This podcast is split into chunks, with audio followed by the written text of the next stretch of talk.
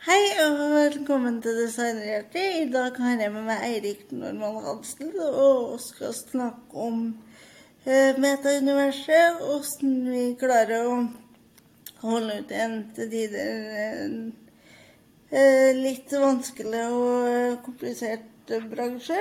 Og eh, litt mer om hva vi håper kommer av tjenester og duppeditter.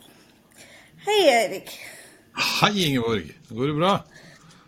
Ja, det går veldig bra. Det er bra. Men har du det fint? Jeg har det helt nydelig. Jeg kjenner at jeg har fyrt litt mye i ovnen bak meg, så det begynner å bli godt og varmt på ryggen, men det kan jeg leve med. ja, så bra.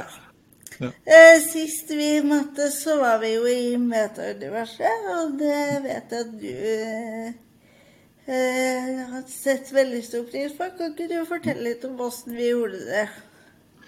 Jo, altså for å begynne enda litt før det, da, så har jo metaverset blitt et slags uh, buzzord, og, og, veldig mange som lurer fælt på det, etter at han godeste Mark Zuckerberg uh, annonserte og holdt et langt innlegg om metavers og bytta navn på selskapet sitt til Meta og sånn, så fant jeg ut at kanskje jeg skulle forske litt mer på hva er dette egentlig, hvor er vi? Og for å gjøre det, så er jo jeg litt sånn at da er det jo gøy å prøve. Så jeg satte opp et åpent event som jeg kalte Metavers i metaverset, som du også var med på. Og da brukte jeg en plattform som heter spatial.io. Og som er tilgjengelig både i uh, VR-briller, altså som en del av Meta sin uh, MetaQuest, da, sin plattform, uh, som en app der som du kan installere, og sikkert de andre brillene òg, og også Eh, gjennom nettleser eller nettbrett eller mobiltelefon. Og, og, Grunnen til at jeg valgte den, var at den krever ikke at du må ha sånne VR-briller. Eh, så jeg satte opp dem. Eh, lagde et eh, lite eh, Ikke møterom, hva heter det for noe? Et lite sånn undervisningsrom. Eh, og så kjørte vi på, og det gøye var jo at det kom jo 70-80 mennesker og hørte på. Blant annet deg, da. Eh, og da hadde jeg lagt opp til at vi skulle møtes, og at jeg skulle holde et lite innlegg, for det var gøy å teste det. Ambisjonen min var jo både å lage dette som Det var et slags eksperiment. Og jeg hadde lyst til å se om vi kunne bli mer enn bare et par-tre stykker. Og oppleve hvordan det var både for meg som foredragsholder å, å holde et lite foredrag for et litt større publikum i en virtuell verden. Og hvordan det ville være for de som var tilhørere. Og Da la jeg opp til at jeg skulle holde foredrag, og så skulle vi ha en lite sånn spørrerunde etterpå. Og så hadde jeg også laget et eget lite galleri, et lite mingleområde, som jeg tok med alle som ville inn i etter at vi var ferdig med å skravle. Og vi hang litt. Eh, og jeg må jo si at eh, sånn all in all så syns jeg jo opplevelsen var eh, overraskende positiv. Selv om vi opplevde litt eh, Det var noen som ikke kom inn, og det sier jo litt om liksom, kapasiteten på disse plattformene. De fikk beskjed om at det var fullt. Noen som sleit litt med lyd- og bildekvaliteten, og det fant vi vel ut etter hvert at gjaldt særlig de som brukte nettlesere. At det var automatisk stilt inn med ganske lav eh, oppløsning på grafikken for at man skulle få ting til å flyte. Eh, og litt sånne ting, men, men, all in all en veldig gøyal og spennende og lærerik opplevelse. Så jeg vet ikke hva du tenker, Ingeborg, du som var der som gjest? Ja, ja det er jo slet, jo slet jo litt med det. Um, men uh, også med oppløsninga, fordi jeg satt på Jeg satt på uh, desktop. Eh, men eh, det jeg syntes var litt artig, var å på en måte se åssen folk oppfører seg digitalt kontra det de ville gjort i virkeligheten. Ja. Eh, for det var jo folk som drev og dansa og styra og hoia og sånn, og det ville de jo aldri gjort hvis det faktisk Altså hvis du holdt foredrag fysisk, da, så ville de jo aldri gjort det. Nei, det er faktisk sant. Og det, det, er, det, er, et veldig morsomt og litt interessant uh, moment også. For jeg tror at noen av de som spurte fælt For var, vi hadde jo noen som spurte og grov fælt om hvordan gjør jeg ditt og hvordan gjør datt. Og uh, de tror jeg rett og slett ikke tenkte på at de var sammen med andre. Det er litt, husker du også når, når sosiale medier kom, så plumpa jo folk ut til De glemte ja. jo at de snakka med hele verden. Uh, det var litt sånn, selv om det ordnet seg ganske fort. Og så var jo det andre morsomme, det var jo at når man da brukte desktop, eller uansett, da, så fant man ganske fort ut at det var en del gøyale funksjoner, bl.a. dansing. Så det var det mange som drev med. Men det jeg oppdaget da, som jeg syntes var litt gøy, var at når jeg var vert for rommet, jeg var room host, så hadde jeg en helt fantastisk funksjon som het Seat All. Og uansett hvor de sto og var, så bare vom, så forsvant alle ned på ledig sitteplass og ble sittende. Og jeg kunne også mute alle sammen. Så det var jo en, en litt sånn gøyal greie. Jeg husker jeg fortalte det til en foreleser her for litt siden, og han bare Å, sånn skulle jeg ønske jeg hadde i klasserommet. Eh, hvor du bare kunne trykke på en knapp, så satt alle studentene på plass og holdt fred. Men eh, det var jo litt eksperiment òg, da. Men jeg syns etter hvert, når folk fikk liksom roa ned, og vi kom i gang, så fungerte det overraskende bra for alle de som var der. Ja, jeg må si at det, det gjorde det. Og vi har jo snakka litt om det her før. Og da eh, sa du noe som var litt interessant for min del. fordi at i det universet så står jo og går jo jeg. For de som da ikke kjenner meg, så sitter jo jeg i rullestol. Eh, så dette For du syntes nesten det var litt sånn rart, du? Å stå og snakke med meg i det universet. Ja, og jeg, jeg synes at eh, Jeg tenkte ikke på det før vi var ferdig med eh, spørrerunden. For da satt vi jo stort sett Det var vel bare jeg som sto, det var noen som dansa, men de fleste satt pent og, og rakk opp hånda og snakket sammen. Og så beveget vi oss inn i dette lille galleriet mitt etterpå. Og da slo det meg plutselig at jeg gikk rundt og snakket med deg, og det var litt, eh, det var litt sånn Jøss, yes, det er jo litt annerledes enn det pleier å være. Eh, men det er nok riktig som du sa, kanskje jeg reagerte mer på det enn det du gjorde.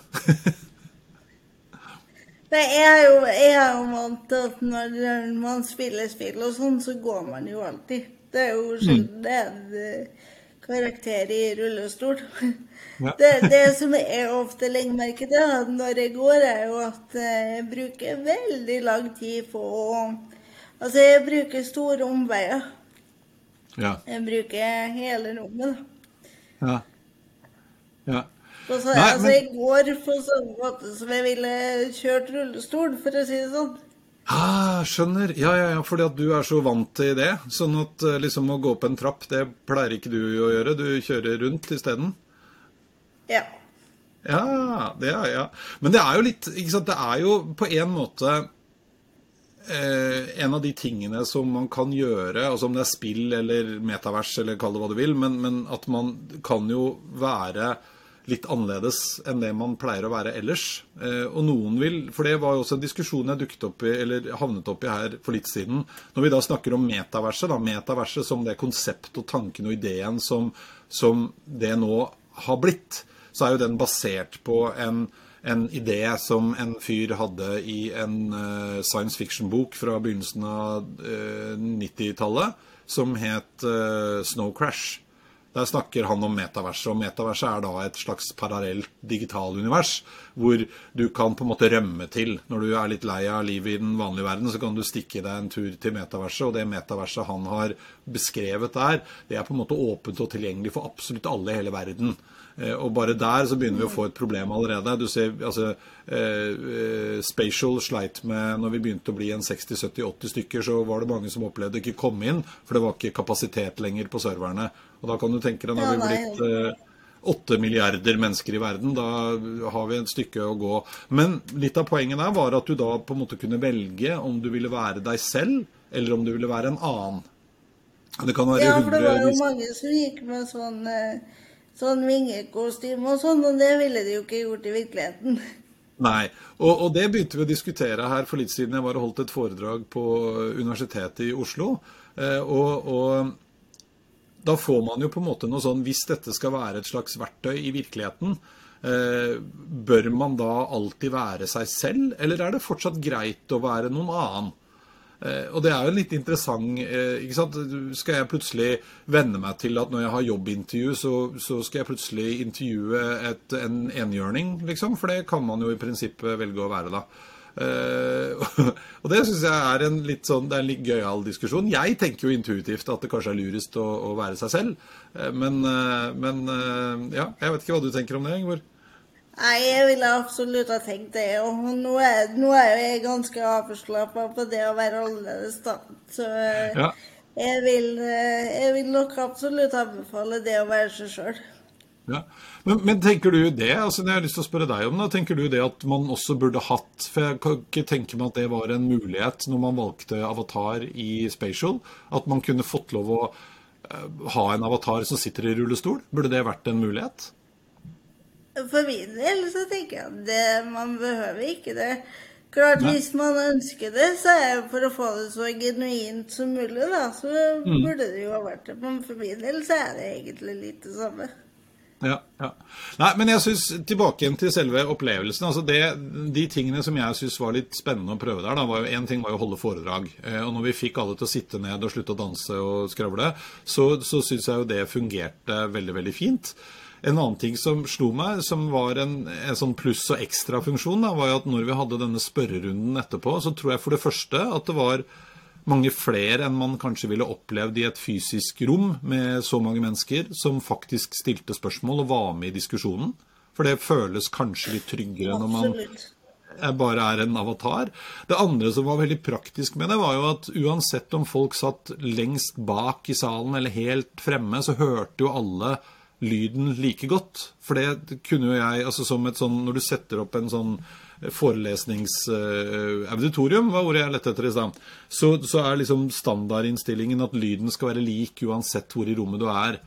Mens etterpå, når vi da skulle mingle, så var det noen som lurte på om jøss, hører alle meg nå? Fordi selv om du da gikk inn i et annet rom, så hørte jo alle hva du sa. Men da kunne jeg skru på en sånn, eh, hva het det for noe?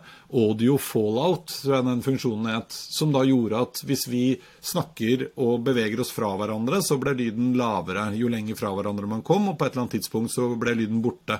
Så da kunne man ha små grupper som sto rundt uavhengig av hverandre og snakket sammen uten at alle andre enten ble forstyrra eller hørte. Da. Og I tillegg så har du en sånn hvor du kunne invitere noen til en lukket samtale som du måtte bli invitert inn i. Da. Og Det tenker jeg jo er en litt morsom eh, og interessant greie også, hvordan man har begynt å tenke på det allerede. da, Replikere på en måte litt sånn som det er i virkeligheten, samtidig som vi kan og utnytte styrkene i teknologien eh, i sånne sammenhenger som dette. Mm, absolutt. Og det, det snakka vi jo litt om mens vi holdt på, at det er greit å liksom få til å gjøre det her. Eh, altså Én ting er jo lek og moro, men hvis man kan få det til til å bli litt mer sånn matnyttig eh, mm. altså sånn i forhold til hvis man har enkelte utfordringer, da, f.eks. fysisk eller, um, mm. eller uh, mentalt, så er det et veldig fint verktøy å bruke i forhold til det òg, tenker jeg. Ja, Men, men syns ikke du også at eh, hvis man skulle sammenligne det med eh, Teams og Zoom f.eks., så, så syns jo jeg at de tingene vi har snakket om nå, de tilfører jo også en dimensjon som Teams og Zoom ikke har, altså vanlig videokonferanse, da blir en veldig sånn flat greie. Vi ser hverandre på skjermen, men det er det. Mens her, når du får surround-lyd, jeg hører hvor du er, vi har en annen form for interaksjon som jeg syns gjør det til en potensielt da, mye bedre opplevelse enn bare å sitte og titte på små firkanter uh, av hverandre.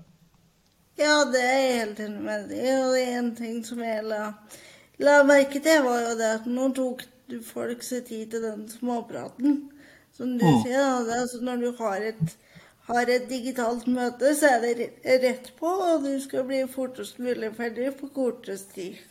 Ja, for det var faktisk litt morsomt, fordi eh, jeg måtte jo gå eh, etter at jeg hadde vært med på litt mingling, og så kom jeg tilbake nesten en time etterpå. Og da var det fortsatt folk som hang rundt i det galleriet og satt og snakket sammen, som hadde møtt hverandre der. Det ble, og Da var de ferdig med å tøyse og leke. Da, da, da, var det bare fordi man hadde truffet noen man ikke hadde sett på lenge, eller en eller annen ny relasjon. Det syns jeg også var litt interessant å se. Ja. Eh, hvis vi da skal gå litt over til neste tema, fordi klokka går veldig fort så nå har det gått et kvarter allerede.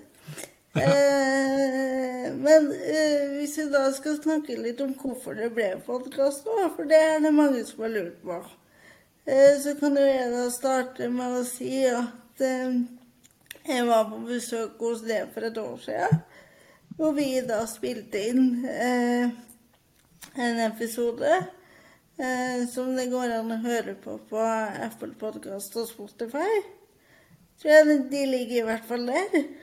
Ja, ja, ja. Eh, og så eh, var det noe eh, sånn eh, podkastprodusenter som jeg hørte på, og som lurte på hvorfor jeg ikke hadde laga egen podkast. Og da spurte jeg det om du syns det var OK, og da svarte du ja, det er fordi at du skravler så fælt. Og det, det har vi vel fått bevis i dag òg. Eller hva, hva, tenker du om det? Hva tenker du eh, jeg har å tilføre i forhold til den host-rollen, da? Ja, jeg tror eh, absolutt, og det var jo derfor når du spurte og vi snakket om det at jeg tror dette er en kjempegod idé. For jeg føler jo at du har eh, en interesse for et tema som er verdt å høre på. Eh, og, og, det, og, det, er jo det som er litt morsomt med podkastformatet, syns jeg. At det er relativt lett å ordne. Og eh, man kommer på en måte ut, når ut til mange flere med eh, et budskap. da. Så når du er opptatt av Eh, brukeropplevelse og kundeopplevelse og eh, altså, alle de tingene der sånn, så, så, og du har masse erfaring med det, så, så tenker jeg at uh, dette er bare å kjøre på. Det gjelder jo oss begge to, og det bringer det meg litt over på neste, neste punkt. Altså, åssen skal man klare å på en måte For nå, altså, du har jo holdt på mye lenger enn meg, men jeg har jo holdt på i ti år, jeg òg. Mm. det er litt sånn jeg følte i hvert fall nå på slutten, etter å ha levert den rapporten, at eh, For jeg lagde da en sånn TV-rapport før jeg, før jeg begynte med podkast. Eh, og da kjente jeg litt sånn at nå er jeg liksom ferdig med sånne type prosjekter. Ja. Så jeg ser at det tar eh, Altså, det krever litt, da. Mer ja. å motivere seg nå enn det mm. gjorde for ti år siden. Ja, men det har du noen tips til hvordan du skal helle ut? ja, altså, det er vel dessverre også denne alderen. Eh, vi blir jo ikke yngre, eh, Ingeborg. Det er ikke noe å lure på. Men jeg tror det som i hvert fall har vært en, og er en veldig viktig drivkraft for min del, det er eh, Jeg har en helt sånn umettelig nysgjerrighet. Og det opplever jeg jo litt at du har òg. Eh, og, og det gjør kanskje at man på en måte bringer seg selv litt videre, da. Eh, jeg tror kanskje jeg som deg òg, hvis jeg skulle holdt på med akkurat det samme hele tiden, så det orker jeg ikke.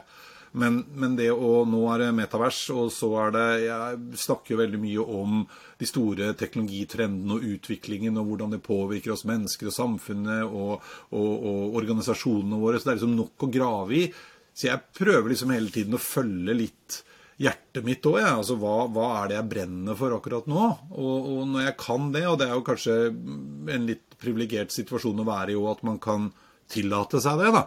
Men, men det, det, tror jeg er i hvert fall en viktig ingrediens for min del. Da, å alltid liksom følge litt nysgjerrigheten min. Eh, det hjelper veldig. Ja, det tror jeg er et godt tips til studenter også, som lurer på, eller kanskje nyutdanna òg, som lurer mm. på hva i all verden skal jeg bruke den kunnskapen jeg nå har fått til. Ja, ja. Og så vet du at jeg har jo drevet, har jo drevet uh, flere byråer, og jobbet i store byråer. Og det er klart at forskjellen på det og å holde på sånn som du og jeg gjør nå, hvor vi jobber for oss selv, det er jo at man er jo en del av en organisasjon, og den organisasjonen har noen eiere, og de eierne de krever at det skal tjenes litt penger. og Det er, liksom, det er jo en del andre faktorer som man i kanskje enda større grad da, enn det du og jeg kan tillate oss, er nødt til å forholde seg til. Eh, og det syns jo, vet jeg, mange kan være litt utfordrende. Fordi man blir på en måte satt på prosjekter eh, litt basert på bakgrunn og utdanning og erfaring og sant, hva man har gjort før og, og sånn. Eh, og og det kan jo noen ganger oppleves da, som litt sånn åh, nå skal jeg jobbe på samme type prosjekt en gang til. Men jeg husker at en ting som vi jobbet veldig mye med i, i noen av de byråene jeg har vært med på, det var å, å, prøve å trene oss selv til å finne For det er alltid én ting i et nytt prosjekt som er nytt, som er annerledes, eller som du kanskje kan gjøre litt annerledes enn det du gjorde sist. Så det å prøve å finne den der ene lille tingen som, som blir det nye og spennende, har i hvert fall hjulpet meg og vet mange andre litt oppe, da, selv om du nå liksom å, skal i gang med Det er liksom en ny nettbutikk. Jeg har jobba med nettbutikk nå mange ganger, med en ny nettbutikk. Mm. Så, så, det tror jeg er litt sånn mentalt viktig òg, at man prøver å, å finne en ting man kan grave litt i og jobbe litt med. Og så må man alltid avveie dette da, ikke sant, mot faktureringskrav og grader og leveransetider og alt det der. Men, men det tror jeg kan være en litt eh, en lur ting å gjøre. Ja, det er jeg helt enig i. Og så tror jeg det at eh, sånn som for meg, da, som har jobba både i byrå og Nå er jeg jo ikke helt selvstendig næringsdrivende, men jeg jobber jo mye selvstendig. Mm. Uh, og da Eh, men jeg tror òg at det å jobbe i byrå faktisk gjør at du blir litt sånn oppdratt. Fordi ja. at du er avhengig av at folk At du er med å dra lasset, da. Ja. Så jeg, jeg, tror den kombinasjonen er god å ha. Ja. Og så er det jo noe med ikke sant, man, eh, hadde en fantastisk kollega Jeg hadde mange fantastiske kollegaer, men en av de fantastiske kollegaene hun var alltid veldig opptatt av at vi skulle være gode kollegaer også. Altså ikke bare liksom, fokus på kunde og leveranse, men at vi også var til stede for hverandre eh, i byrået. Og, og, det gjør jo også at noen ganger så kunne man på en måte ta seg en liten pustepause fra sitt prosjekt for å kanskje hjelpe en kollega litt som satt fast, eller eh, komme med Altså ja, involvere seg litt med de rundt seg, da. Og, og, og det opplever jeg òg er Det er på en måte litt vanskelig, for hvis du har ofte ganske tøffe faktureringskrav, eh, så er det vanskelig å liksom Jeg kan ikke sette bort, for jeg er nødt til å levere. Hvis ikke så leverer jeg ikke det jeg skal.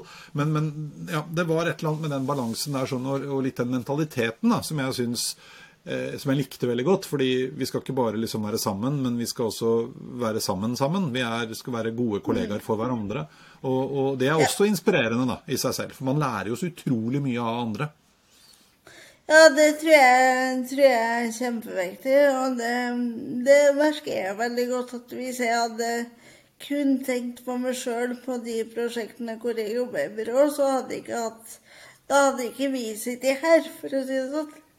Så det, det, er litt, det, er litt, med det å på en måte ha to tanker i hodet samtidig, da. Det tror jeg er litt viktig. Ja. Og så er det jo lov, da, tenker jeg òg, å, å, å endre seg litt. Eh, jeg tror at som nyutdanna så kan man innimellom være litt for redd for at nå er det liksom akkurat dette jeg har utdannet meg til, nå er det akkurat dette jeg skal holde på med. Eh, men det er lov å endre seg litt. Eh, og det åpner seg ofte mange muligheter hvis man tillater seg selv å være litt nysgjerrig. Og jeg tror også at de aller, aller fleste arbeidsgivere syns det er veldig fint. Så litt god dialog og å være nysgjerrig og konstruktiv kan man komme ganske langt med. Ja. Nei, jeg tror vi er veldig enige der også. Det, så, så, lenge man gjør det innenfor uh, for, uh, faste rammer. For det, det, som er det kjedeligste, er jo å bli sittende og jobbe alene, og så er det egentlig ingen som bryr seg om det du holder på med. Da er man jo litt ute å kjøre. Men så lenge, så lenge man gjør det vi har snakka om nå, så tror jeg man er innafor. Mm. Eh, og helt til slutt, da, så eh, vil jeg jo gjerne spørre deg om tre ting. Altså, det her, Reaksjonen din nå er jeg litt lei meg for at jeg ikke får på deg. For sist så ble du litt overraska, og det koste jeg meg veldig med. Men ja, eh, nå får jeg ikke samme reaksjon. Eh, men hvis du skal trekke fram tre ting da, som du håper og tror at kommer, og som vi kanskje kan ha litt nytte av, du som er opptatt av fremtidsting. Ja. Ja, altså, jeg tror at uh, nå er vi jo i en litt sånn brytningstid, opplever jeg. Uh, en ting er alt det rare som skjer i verden som vi ikke har kontroll på, men i forhold til teknologi også. For vi har kommet til et punkt nå hvor det er ganske mye teknologi som begynner å bli både moden og tilgjengelig og anvendelig og ikke så dyr lenger. Eh, og en av de tingene som jeg virkelig tror på, er jo at vi nå beveger oss inn i et internett. altså Man snakker nå om internett 3.0. Og det er jo ikke en sånn bryter som plutselig i tirsdag klokka 12 så ble det 3.0. Det er jo en gradvis eh, overgang. Men det kommer flere og flere ting, bl.a. mer VR-opplevelser. Eh, men jeg er litt opptatt av å prøve å se litt forbi akkurat liksom det åpenbare. da, Det at du og jeg kan møtes i et virtuelt rom, og så kan vi snakke sammen. Eh, men litt sånn hva man kan bruke det til. Og Vi har vært litt innom det allerede, men jeg tror at vi kommer til å se eh, altså en mye større form for eh, samhandlingsmulighet som er eh, Som gjør at vi kan samarbeide både på måter som vi ikke var vant til eh, å kunne tidligere, men også med andre som vanligvis ikke var tilgjengelig for oss ved hjelp av teknologi. Og et av de eksemplene Jeg klarer jo aldri å svare veldig kort, da, så jeg håper du har litt tid. Eh, et, av de eksemplene, et, av de eksemplene som jeg ynder å trekke fram i forhold til denne metavers-tankegangen, som egentlig er eh, den teknologien, det er jo Holocare, som er et norsk selskap som driver og bruker altså de bruker Microsoft sine HoloLenses, og da blandet virkelighet, eller augmented reality, og sammen med hjertekirurger har laget en mulighet for å kunne skanne hjertet ditt, og så kan man da få opp denne 3D-modellen i eh, rommet, eh, som man da etter hvert ser for seg at man kan begynne å både stille diagnoser på og operere på. Og det syns jeg er ganske fantastisk, eh, fordi at det betyr at vi kan tilby sånne type tjenester også til deler av verden som ikke er så heldige som det vi er, da, som faktisk har et kjempegodt helsetilbud. Så veldig sånn Den type teknologi kommer til å være i ferd med å åpne opp for helt andre typer samhandlingsmåter og former, og at man kan involvere folk på en annen måte fra andre steder av verden. Eh, det er den ene. Så det, det, er vel en slags sånn Vi beveger oss inn i dette metaverset, eh, og så kommer det til å hete noe annet, tror jeg, men, men eh, hvor vi har mulighet til å gjøre andre ting.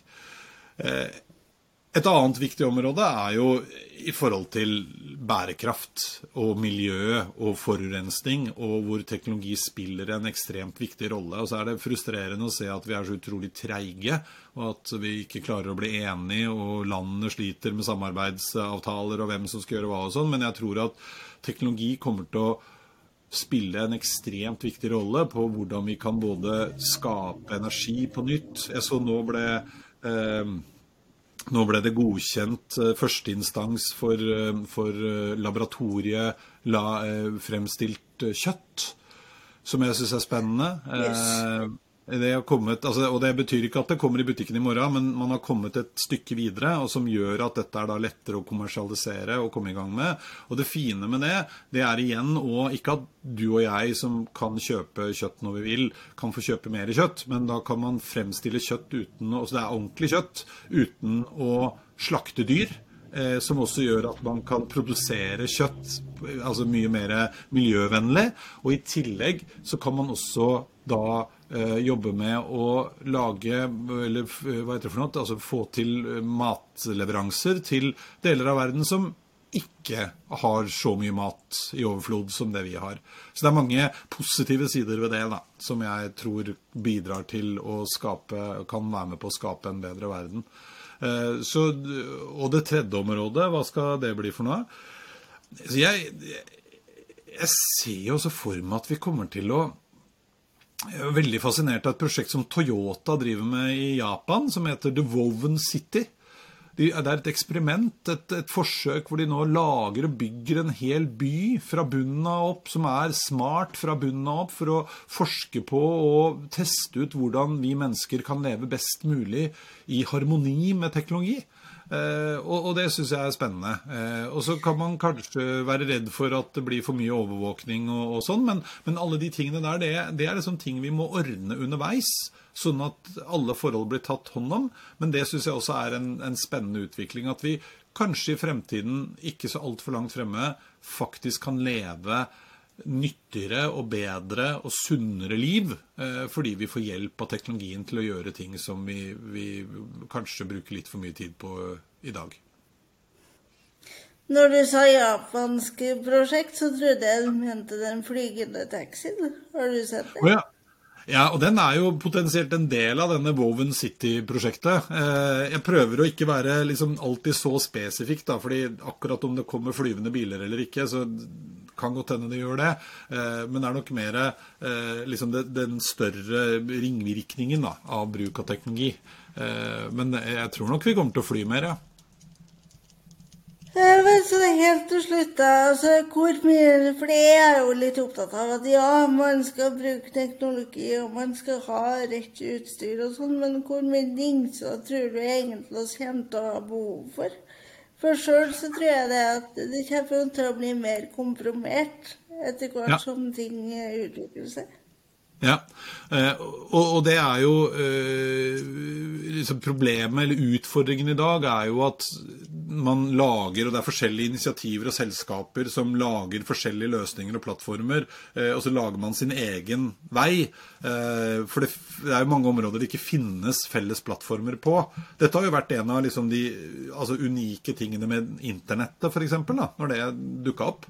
For det har jo blitt et slags sånn Det er jo ikke et firma som eier Internett. Eh, det, det, det er jo utgangspunktet en helt eh, frivillig drevet, åpen, litt sånn anarkitanke. Men man laget noen strukturer hvor de beste blant de beste ble stemt inn, og så har de vært med på å lage noen kjøreregler for protokoller og plattformer og UI.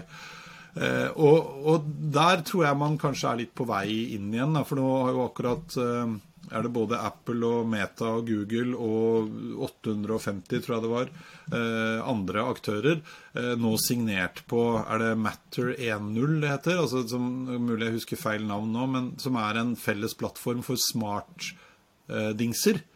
som ja, det har Nei, Det er noe man har jobbet med kjempelenge, men, men det gjør f.eks. at hvis du har en eh, Tanken er at hvis du har en eh, Google eh, Nest eh, Hub eh, og en Alexa hva heter den, Ring Doorman ringeklokke, som i utgangspunktet ja. har vært to forskjellige plattformer, så skal de kunne snakke sammen fordi at man lager en felles plattform, en slags protokoll. da. Eh, og det som er styrken ja, Men så tar det nok litt lengre tid enn vi har lyst til eh, før man er der. For det krever jo både at alle eksisterende dingser blir oppdatert, men også at de nye blir laget. Men, men jeg tror det viktige er at de store aktørene er med på dette. For de ser og skjønner også verdien av det. Og i, sånn, i det henseende så, så, tror jeg du har rett. Jeg tror at vi kommer til å få eh, Altså færre dingser som gjør mer. Jeg tror vi, hvordan, Det er ikke sikkert vi går rundt med en Jeg er ganske sikker på at vi ikke kommer til å ha en mobiltelefon og et nettbrett og en datamaskin. Etter hvert så har vi antagelig en eller annen dings som du på et eller annet vis har på deg med deg. Eh, kanskje du har skjermer i brillene eller på linsa på øyet. Eh, når du kommer på kontoret og setter deg ned, så er det den dingsen som kobler seg opp, og da bruker du skjermen foran deg hvis du vil det. Eh, og den er på en måte styringsenheten eh, for alle greier eh, du har rundt deg. Eh, så, så, jeg tror nok at vi, det kommer til å bli på noen områder enklere, men så kommer vi til å finne på nye ting. Da. Det er jo det som er spennende. ikke sant? Så skal du plutselig ha ditt eget lille atomkraftverk i hagen og sånn, og det må jo styres. Så det, er, eh, det, det, kommer kommer stadig vekk nye greier da, eh, også.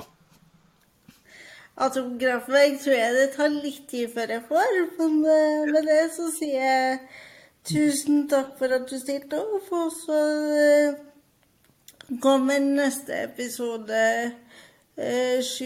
Eh, mars da med kjærleikeren. Ha det bra. Takk for i dag. I like måte. Takk for at jeg fikk være med.